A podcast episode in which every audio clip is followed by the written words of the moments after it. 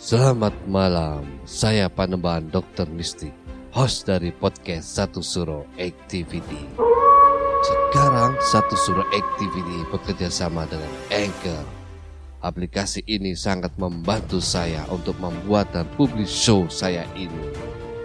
Perlu kalian ketahui, ternyata membuat podcast itu sangat gampang sekali dan 100% gratis. Anchor tidak hanya mempermudah untuk membuat podcast. Dalam hal distribusi pun aplikasi Anchor memiliki banyak jaringan, di antaranya Spotify, Apple Podcast, dan platform podcast lainnya. Tidak perlu berpikir lama, segera download aplikasi Anchor dan bikin podcast kamu sekarang juga gak pakai lama.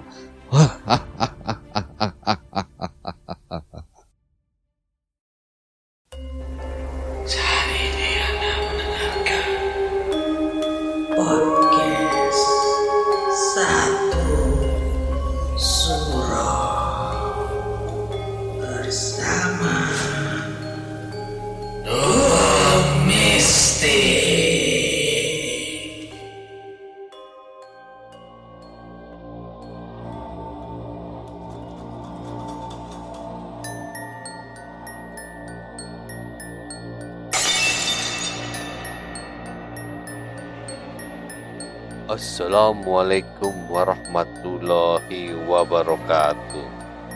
Selamat malam. Rahayu, rahayu, rahayu. Para pendengar satu surah activity.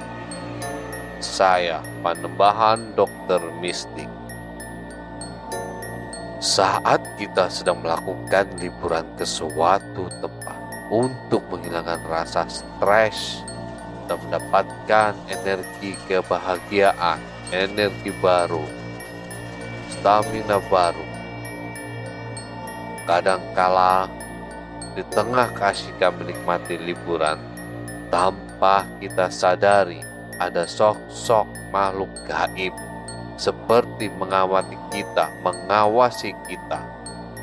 Seperti halnya kisah mistis sosok penjaga taman buah Mekarsari dari Sinta. Selamat mendengarkan. Kejadian ini terjadi tepat pada tanggal 25 Desember 2020 di Taman Buah Mekarsari, Cilengsi. Karena wisata ini akan resmi ditutup pada tanggal 1 Januari 2021. Jadi, aku dan keluarga sepakat berwisata ke sana untuk kenangan yang terakhir di tempat itu. Semua berjalan seperti biasa. Aku datang memesan tiket Rp50.000 per orang sudah termasuk tiket pakan ternak kelinci dan kereta keliling. Setelah itu kami masuk ke dalam. Kalian tahu apa kesan pertama yang ada di benakku? Ya, aku bilang dalam hatiku, kok sekarang beda ya? Horor banget rasanya. Baru masuk udah dingin, begini hawanya. Pasti banyak hantu-hantunya nih, karena udah gak keurus. Akhirnya kita mengabadikan setiap momen foto kita di setiap tempat. Sampai akhirnya kita sampai di air terjun ini. Mataku langsung tertuju pada ruangan lantai dasar karena aku melihat dua sosok anak kecil sekitar umur dua tahun sedang bermain di sana. Aku bergumam heran menatap mereka sembari bicara dengan mama itu di dalam ada anak kecil dua sih masih main sepeda sambil kejar-kejaran. Anak siapa ya? Kan di sini gak ada siapa-siapa. Masa sih anak sekecil itu bisa main-main ke sini? Tapi semakin bertatap anak kecil itu menghilang dan aku refleks bilang, "Eh? Ah? Kok hilang, mah?" Mama hanya mengingat. Mama hanya mengiyakan tapi sibuk melihat ponselnya. Aku bergumam lagi dalam hati. Ah, paling perasaanku saja. Hari mulai sedikit gelap. Jam menunjukkan pukul 16 lebih 10 waktu Indonesia Barat. Dan 20 menit lagi tempat itu akan ditutup. Ayo mah, pah, udah mau tutup nih. Kita belum naik keretanya. Ayo, ayo. Dan akhirnya karena hari sudah sore, kita bertiga pengunjung terakhir yang naik kereta itu. Posisi mama dan bapak ada di belakang supir dan aku di bangku kedua di belakang orang tua. Aku duduk sendirian memastikan bahwa tidak ada orang lain lagi selain kami bertiga. Abang supir berkata, Kok baru pada naik bu, pak, bertiga doang. Udah sore nih, gak apa-apa ya kita muter aja melewati danau. Kami jawab, iya pak, gak apa-apa, sayang tiketnya soalnya pak. Ya sudah kalau begitu. Pada saat kereta berjalan, Sesekali aku selfie untuk mengabadikan momen. Tetapi perasaanku tidak enak pada saat take foto pertama. Ih, ini aku selfie ada yang ikut foto nggak ya? Sambil menoleh ke belakang kembali untuk memastikan bahwa tidak ada penumpang lainnya lagi. Ah iya kok cuma naik bertiga, gak ada orang lagi dalam hatiku berkata. Perasaanku makin tidak enak. Akhirnya memutuskan untuk menyudahi foto selfieku pada saat kereta berjalan. Aku menikmati setiap pemandangan yang ada. Setelah selesai, aku pulang ke rumah karena hari sudah sore. Lima jam aku buka tutup galeri. Ingin mengunggah salah satu foto di aplikasi WhatsApp. Tepat pada jam 12 malam, baru merasakan ada yang ganjil di foto-foto ini. Hasil jepratan selfieku di kereta. Di dalam foto pertama, tidak ada siapa pun di belakangku. Tetapi foto ketiga, kain itu menghilang. Ada banyak orang di gerbong paling belakang dan tangan keriput itu semakin jelas. Padahal di belakangku dan di gerbong satu lagi tidak ada orang lagi entah percaya atau tidak, tapi benar adanya. Karena setelah tahu foto ini, bapakku langsung sholat dan baca surat doa ilmu putih. Dan malam itu juga bapakku interaksi dengan mereka. Kalian tahu siapa si tangan keriput itu? Kata bapakku. Dia adalah penunggu tempat wisata itu. Bentuknya bisa dibilang separuh manusia dan separuh kerah bisa dilihat dari jari tangannya yang tidak biasa. Orangnya pemalu karena saat interaksi di dua alam oleh bapak, dia selalu menunduk. Sempat ada perbincangan antara bapakku dan dia. Bapakku berkata, "Kamu siapa?" Dan si makhluk berjawabnya, "Aku penunggu tempat ini, Mas. Rumahku di kereta ini." Makan tidur di sini. Kenapa kamu ngikutin Sinta waktu di sini?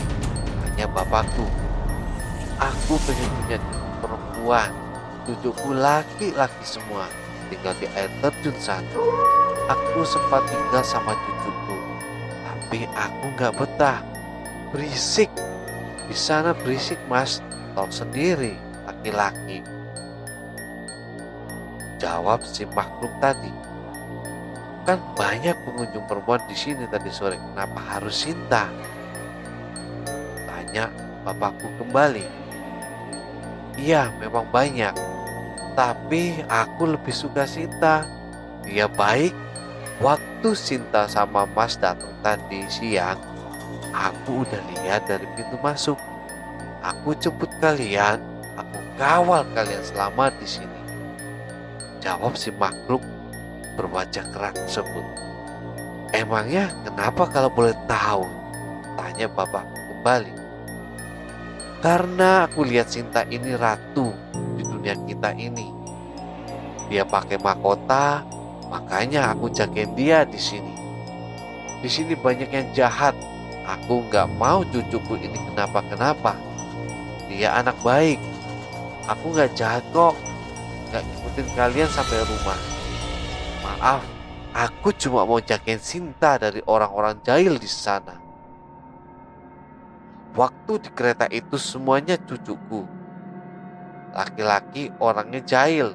Mereka ada di sana karena tertarik dengan Sinta. Jadi aku jagain Sinta dari belakang. Aku kenal Sinta dari lama. Dari dia kecil banget pas ke sini. Setiap dia ke sini, aku jagain dia sampai sekarang. Pasti tadi kalian pulang, aku juga ada di belakang Sinta mengawal sampai parkiran. Aku cuma mau pesan, tolong jagain Sinta. Dia anak baik. Kalau ke mana-mana, tolong dikawal ya, Mas. Soalnya banyak yang suka sama Sinta. Tolong jagain baik-baik ya. Aku gak mau dia kenapa-kenapa. Iya, Nek.